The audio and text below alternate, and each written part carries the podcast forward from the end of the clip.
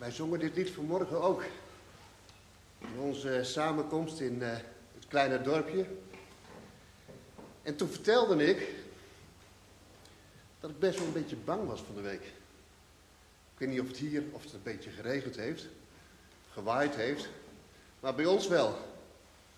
We hadden een partytent buiten staan en uh, ik was zo aan dat aardse verknocht, want het is wel lekker hè, als je zomers of als de zon schijnt, dat je daar lekker onder kunt zitten.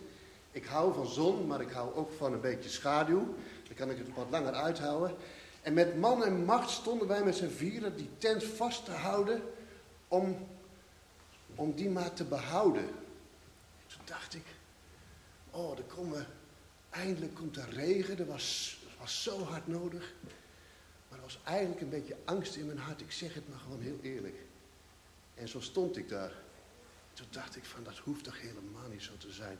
Waarom vouw ik niet gewoon eenvoudig mijn handen en vraag de Heer of hij ons wil beschermen? En als het dan nodig is dat die tent wegwaait, ach, wat dan nog. Het is het belangrijkste inderdaad dat we hem uh, kennen.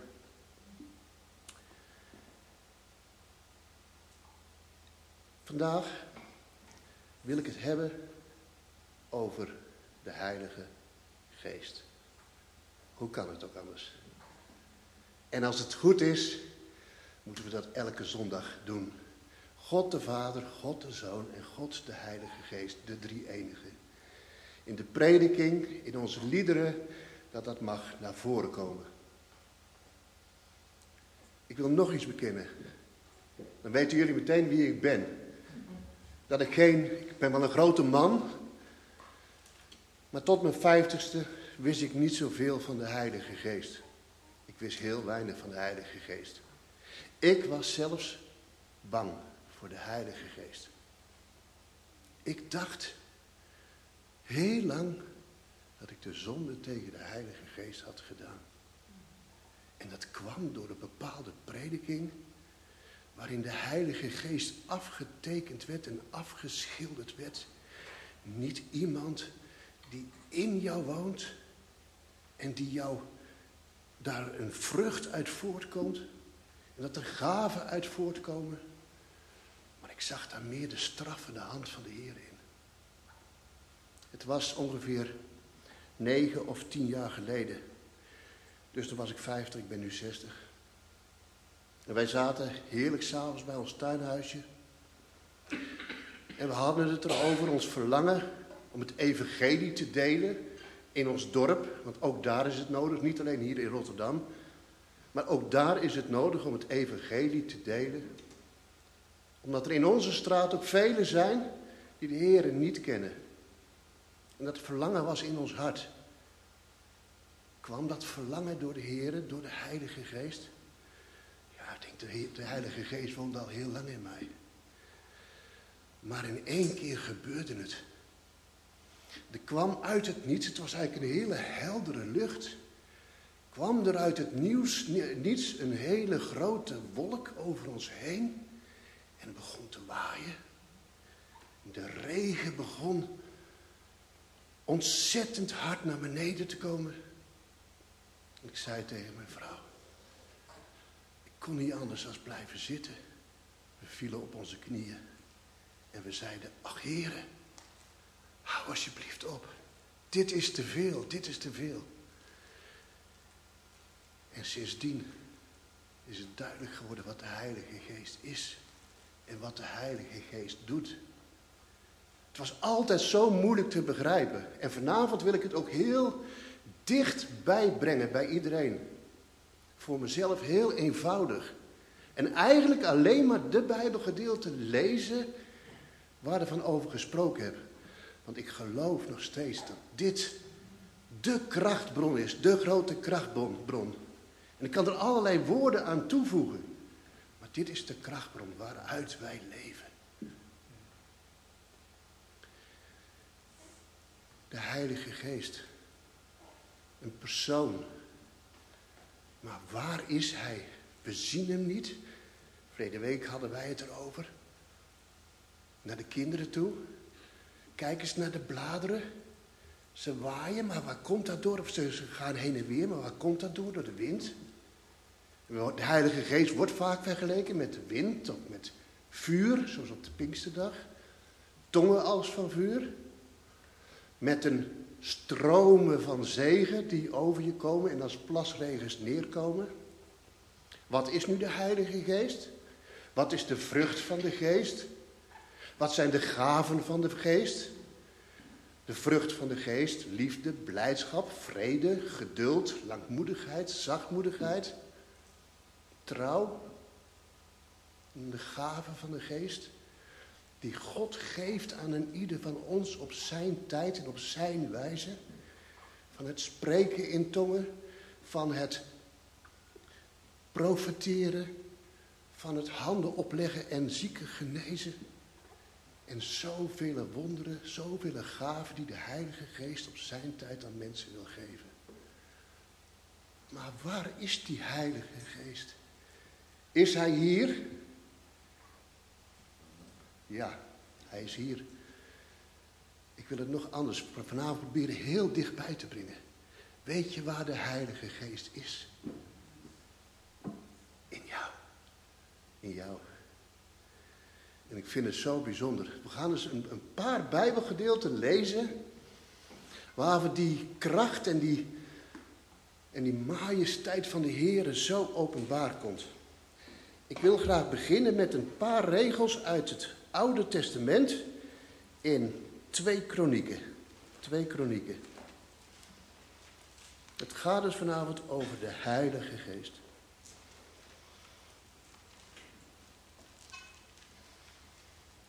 En er was de tempel. De tempel met zijn voorhof, het heilige en het heilige der heiligen. Even die drie dingen proberen te onthouden vanavond.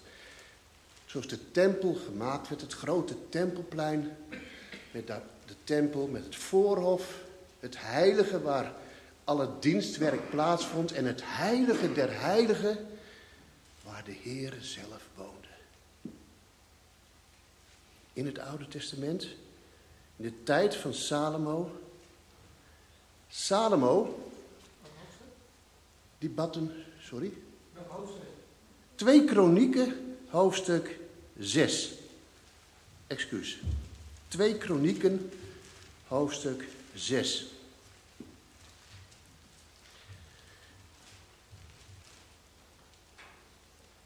En dan begin ik bij een klein stukje vanaf vers 12 tot en met vers 14. En dan zie je als het ware Salomo daar staan voor het altaar van de Heer, vers 12 tegenover heel de gemeente van Israël en hij spreidde zijn handen uit. Ziet voor je, Salomo die had een koperen podium gemaakt en had het in het midden van de voorhof neergezet. Dus als het ware, je ziet de tempel, de voorhof, het heilige en het heilige der heiligen. Hij had het in het midden van de voorhof neergezet. Zijn lengte was 5 L, zijn breedte 5 L en zijn hoogte 3 L. En hij ging daarop staan en knielde op zijn knieën neer tegenover heel de gemeente van Israël. En hij spreidde zijn handen uit naar de, naar de hemel en zei, Heere, God van Israël, er is geen God zoals u, in de hemel of op de aarde, die het verbond en de goede tierenheid houdt tegenover uw dienaren, die met heel hun hart wandelen voor hun aangezicht. En dat gebed, het gaat nog heel lang door. Tot en met vers 42. En dan eindigt hij mee, mee. Heere God, wijs het gebed van uw gezalfde niet af. Denk aan uw blijken van goede tierenheid aan David, uw dienaar. En dan hoofdstuk 7. Wat gebeurt er dan? Na dit intense gebed van Salomo voor zijn volk koning, hè, die daar op zijn knieën ligt voor zijn volk. Ik vind het zo bijzonder, hè? Stel dat wij dat hier in Nederland zouden zien gebeuren, dat koning Willem-Alexander, die wij allemaal lief hebben en eren, omdat hij onze koning is, dat hij op zijn knieën ligt. En de Heere God dit gebed bidt. Ga gaat over de Heilige Geest vandaag. Toen Salomo, hoofdstuk 7, geëindigd had dit gebed te bidden, kwam het vuur uit de hemel neer en verteerde het brandoffer en de slachtoffers. En de heerlijkheid van de Heere vervulde het huis.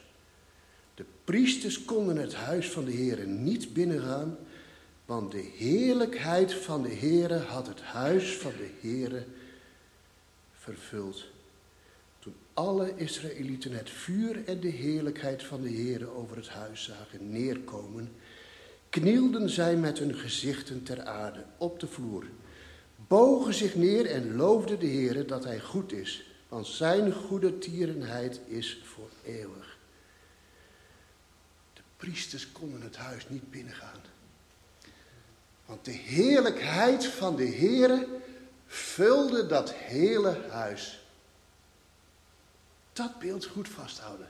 De heerlijkheid van de Heere vervulde het hele huis. Dat is de tempel. Dan gaan we naar het Nieuwe Testament. Er wordt ook over een tempel gesproken.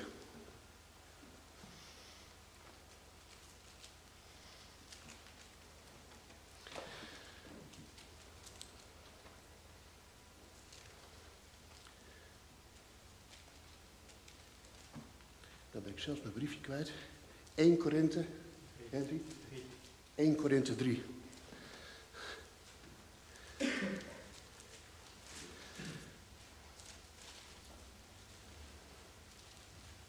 En daar ligt hij.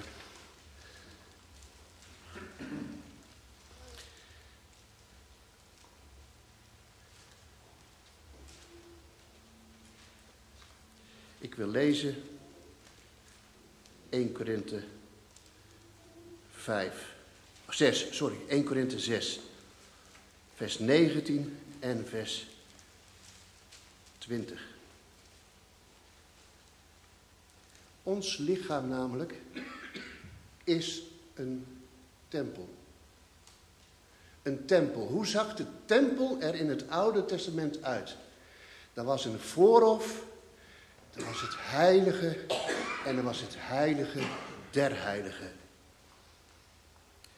En dan zegt Paulus hier aan Korinthe, weet u niet dat uw lichaam een tempel is van de Heilige Geest, die in u is en die u van God hebt ontvangen, en dat u niet van uzelf bent, viel mij eigenlijk vandaag pas op. Dat u niet van uzelf bent. Je bent niet vanzelf, van jezelf. U bent immers duur gekocht. Verheerlijk daarom God in uw lichaam en in uw geest die van God zijn. De heerlijkheid van God vulde de tempel in het heilige der heiligen. Hoe ziet ons lichaam eruit?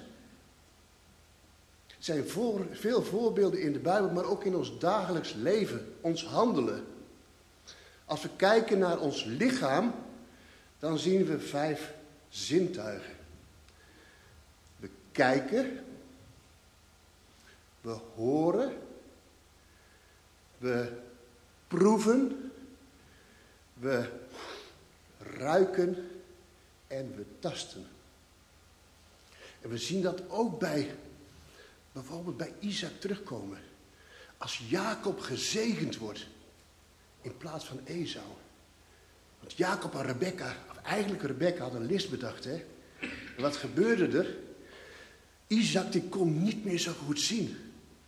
Maar hij gebruikte al zijn zintuigen om op te merken of het Esau was. En toch werd hij bedrogen hij gebruikte zijn lichaam, zijn aardsgerichtheid. Hij voelde aan de geitenharen dat het ezel was, want die was harig. En Jacob, die was glad, zo staat er in de Bijbel. Hij had een heerlijk wildgebraad. Dus hij rook en het rook heerlijk. Maar toen luisterde hij naar de stem. Hij zegt, ja, het lijkt wel Ezou's stem. Maar het is, is het dat wel? Het was Jacob. En zo gebruikte hij zijn zintuigen en uiteindelijk kreeg Jacob zijn zegen. En we weten wat daarvan terechtgekomen is. Hè? Wat een lijn dat nodig was, dat vanuit Jacob dat doorging. Jacob, hij werd gezegend door Esau. Zei het, hij gebruikte zijn lichaam, zijn zintuigen. Maar de Heilige Geest, als Hij in ons woont, waar woont Hij dan? Waar woont de Heilige Geest in ons? Wij vragen om de Heilige Geest, maar waar is Hij? Ik heb daar heel lang over nagedacht. Ook een studie naar gedaan. En ik vond het zo wonderlijk hoe dat lichaam van een mens in elkaar zit. Daar waar wij op, we kunnen op de aarde gericht zijn, met al onze voelsprieten en alles wat we zien en wat we horen, we kunnen daarop gericht zijn, zonder dat wij een verbinding hebben met de hemel. En die lijn die was verbroken, die was verbroken. Al door Adam en Eva. En was die lijn met God was doorgesneden. Maar toch, de Heere ging door. Hij zegt, ik zal vijandschap zetten tussen haar zaad en dit zaad. Zal de vijand de kop vermorzelen. En wat gebeurde er? Hij heeft zijn zoon Jezus Christus gestuurd naar deze aarde. Voor ons. Hij had het grote reddingsplan had hij klaar. En wat hebben de discipelen er naar uitgekeken? Dat hij koning zou worden van Israël. Dat zijn koninkrijk gevestigd zou worden. Waren ze teleurgesteld. Toen hij toch opvoer naar de hemel en van hem wegging. Ze begrepen het nog niet. Maar toen, tien dagen later, waren ze daar bijeen in de bovenzaal. En daar kwam het, zoals de Heere ook de tempel vervulde. Vulde ze, vulde hij dat huis met zijn glorie. Alle die daar waren, tongen als van vuur werden gezien. Gebeurt dat nu nog? Hoe is dat? Vul dit huis met uw glorie. Hebben we gezongen. Maar wat betekent het dan? Vul dit huis met uw glorie. Ben je wederom geboren? Ben je wederom geboren? Weet dan dat jouw huis vervuld is met zijn glorie. Dat hij gekomen is in jouw bestaan, in jouw leven. Op het moment dat jij je totaal overgegeven hebt aan de Heer, is hij gekomen. Is hij gekomen. Kwam hij in jou wonen. We gaan zo meteen een prachtig Bijbelgedeelte lezen. Waar deze voorbereiding even voor nodig is. Dan hoef ik eigenlijk de tekst niet meer uit te leggen. Maar hij is gekomen. En zijn geest paarde zich aan onze geest. Waardoor wij kunnen zeggen, Abba, Vader. Prachtig is dat. Zijn geest inderdaad die in ons woont. Wij zijn een tempel waarin we, voordat we de Heer leerden kennen, heel aardsgericht waren. En alles bezig hield wat onze ogen zagen en onze ogen zien. En alles wat wij proefden en alles wat wij hoorden, welke muziek of wat dan ook. Maar als ons leven gevuld wordt, ons huis gevuld wordt met Zijn glorie, zoals Hij eens zo machtig verscheen in die tempel, in het heilige der heiligen, en het hele huis vulde. Zeker na de, na de hemelvaart van de Heer Jezus, na zijn dood en na zijn opstanding, dat er voorhof en het kleed dat scheurde van boven naar beneden. Dat het open was. zo verlang ik er ook na dat de Heilige Geest ook in ons werkt en door ons werkt. We bidden heel vaak om de Heilige Geest. O Heilige Geest, kom alsjeblieft. Maar als je wederom geboren bent, woont de Heilige Geest van God in jou. Ik vind het zo'n ontzaglijk wonder en elke avond moet ik het weer beseffen. Heilige Geest, wat heb ik u weer aangedaan? Hij woont in me. Maar elke keer snijd ik weer iets af. En dan ben ik weer aardsgericht bezig met mijn, waar ik naar kijk. Wat ik voel. Wat ik hoor. Het zo belangrijk mensen dat we weten en beseffen dat ons lichaam een tempel is van de Heilige Geest. Dit gezegd hebbende, wil ik heel graag met jullie lezen Romeinen hoofdstuk 8. Het leven door de geest. Het leven door de geest. Romeinen 8, vers 1 tot en met vers 17.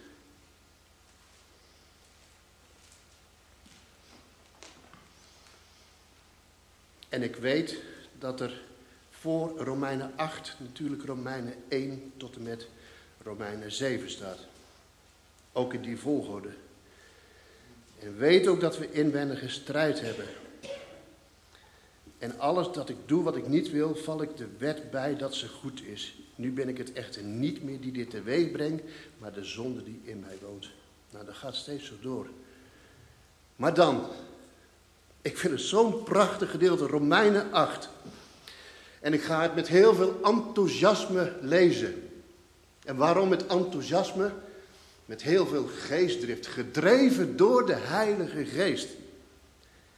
Mensen, er is geen verdoemenis voor hen die in Christus Jezus zijn. Er is geen verdoemenis voor jou als je in Christus Jezus bent. Als je niet naar het vlees wandelt, wat je ziet en wat je proeft en wat je hoort en wat je voelt, maar naar de geest met een hoofdletter. Wandelen naar de geest die in je woont. Want de wet van de geest van het leven in Christus Jezus heeft mij vrijgemaakt van de wet van de zonde en van de dood. Prachtig hè, de wet van de geest van het leven. In Christus Jezus, ben je in Christus Jezus. Dan ben je vrijgemaakt van de wet van de zonde. Want wat voor die wet onmogelijk was, krachteloos als zij was door het vlees, dat heeft God gedaan.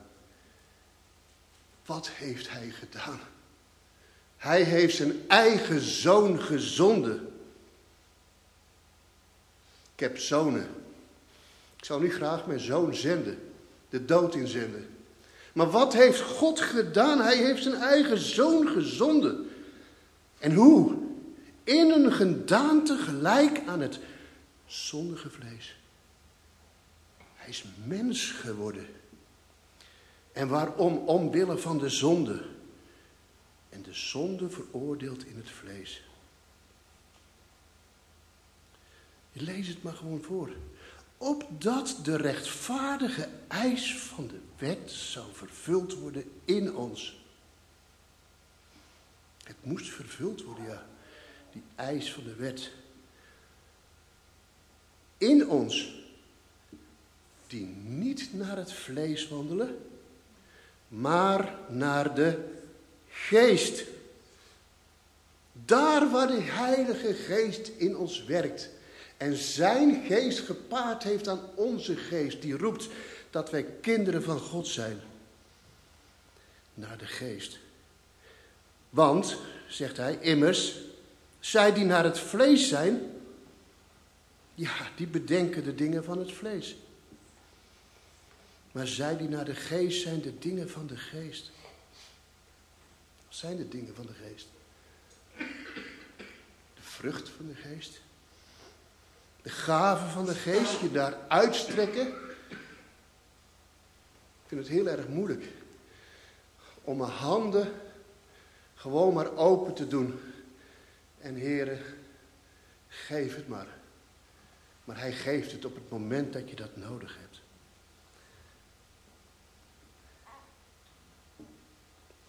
Die naar het vlees zijn, bedenken de dingen van het vlees. Maar zij die naar de geest zijn, de dingen van de geest.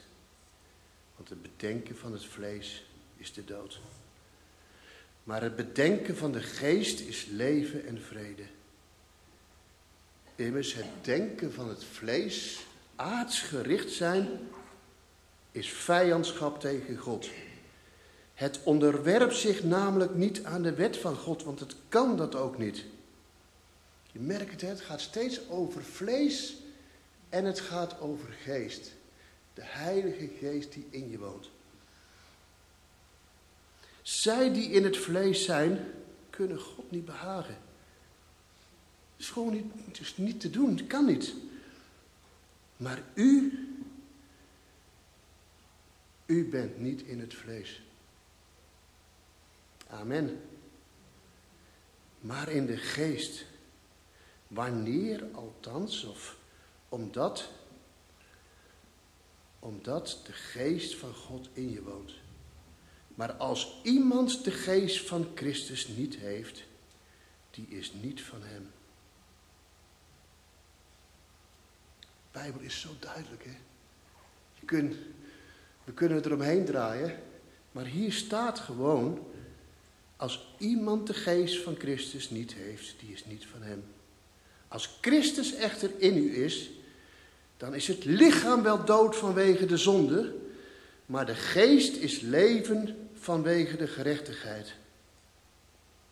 En als de geest van hem, die Jezus uit de doden opgewekt heeft, in u woont, zal hij die Christus uit de doden opgewekt heeft, ook uw sterfelijke lichamen levend maken door zijn geest die in u woont. Wat betekent, moet ik nog gewoon eens een keer lezen. De geest van Hem die Jezus uit de doden opgewekt heeft. De geest van Hem die Hem uit de doden opgewekt heeft. Wat is daarvoor nodig om iemand uit de dood op te wekken? Als die geest dus in jou woont, weet je wat er dan een rijke belofte is? Dan zal Hij die Christus uit de doden opgewekt heeft, ook uw sterfelijke lichamen levend maken door zijn geest die in u woont. Wauw. Wel nu, broeders en zusters, we zijn aan het vlees helemaal niet verplicht om naar het vlees te leven. Want als je naar het vlees leeft, zult u sterven. Als u echter door de geest de daden van het lichaam doodt, zult u leven. Immers, zoveel als er door de geest van God geleid worden, die zijn kinderen van God. Je lichaam een tempel. Wil je aardsgericht zijn of hemelsgericht zijn? Vervuld zijn met de Heilige Geest. Wat heel jouw leven doorstroomt en naar buiten komt als stromen van levend water. De woorden die je dan spreekt. De daden die je doet, waar je naar luistert, waar je naar kijkt, dat komt allemaal uit Hem. En daarom is het zo belangrijk om te weten wie je bent in Christus. En dat de Heilige Geest van God in jou woont. En wat is dat als je als gemeente van ware gelovigen hier bij elkaar bent? En waar we dan ook vandaan komen. Als je dat beseft, wat de Heilige Geest voor krachtige dingen kan doen hier in Rotterdam in deze gemeente. Echt waar. Als we werkelijk beseffen wie Christus is en wie de Heilige Geest is, dat hij in ons woont. Reinier die zei het. Het was best wel moeilijk afgelopen donderdag om te evangeliseren. Ik vind het nog veel moeilijker. Ik vind het echt nog veel moeilijker. Toch, als je vol bent van de Heilige Geest. Ja, wat, wat kan er dan veel gebeuren? Niet omdat we het zelf doen, maar dan zal God de woorden in de mond geven om te spreken. Ik vind het zo'n heerlijke gedachte. Dat de Heilige Geest in je woont. Ik heb dat al die jaren niet gehad. Toen dacht ik van, oh wat heb ik gemist. Terwijl ik het wel gewoon kon weten door het te lezen. En ik kan wel iemand anders de schuld geven, ik kan mijn kerk wel de schuld geven. Maar ik heb bij het verlaten van de zonderschool en van de school een Bijbel gekregen. En die Bijbel kon ik het gewoon in lezen. Maar ja goed, ik kan elke letter van deze Bijbel lezen. Maar als het dan niet binnenkomt, ook hierin hebben we dus de Heilige Geest nodig. Zoveel als er door de Geest van God geleid worden, die zijn kinderen van God. Want u hebt niet de geest van slavernij ontvangen, die opnieuw tot angst leidt. Ik hoef niet meer angstig te zijn. Niet als een slaaf, maar u hebt, jij hebt de geest van aanneming tot kinderen ontvangen. Door, wel, door wie wij roepen, Abba, Vader. En die geest zelf, de Heilige Geest, getuigt met onze geest dat wij kinderen van God zijn. Ik ga er niet meer bij vertellen. Die geest, de Heilige Geest, getuigt met onze geest dat we kinderen van God zijn. En als we kinderen zijn, wauw, dan zijn wij ook erfgenamen. Erfgenamen van God en mede-erfgenamen van Christus. En dan zullen wij ook met Hem verheerlijkt worden. staat er tussen. Wanneer wij, althans, met hem lijden, is het een leven met God? Ja, dat is een heerlijk leven. Maar deze twee gaan wel samen op. En als het naar buiten gaan, het evangeliseren, een stukje lijden is. Of het staan in deze wereld, als je straks weer met beide benen in een maatschappij staat of thuis bent alleen. Als er een vervolging komt, weet dan dat we met Hem verheerlijkt zullen worden. Dat het lijden er ook zeker zal zijn. Maar, ik wilde hem eigenlijk niet bijlezen, maar ik zeg het toch en daar wil ik mee eindigen. Zegt Paulus, en wij zeggen het na, want ik ben ervan overtuigd dat het lijden van de tegenwoordige tijd niet opweegt tegen de heerlijkheid die aan ons geopenbaard zal worden. Amen. Amen. Jij vroeg net een lied, maar heeft er iemand een lied?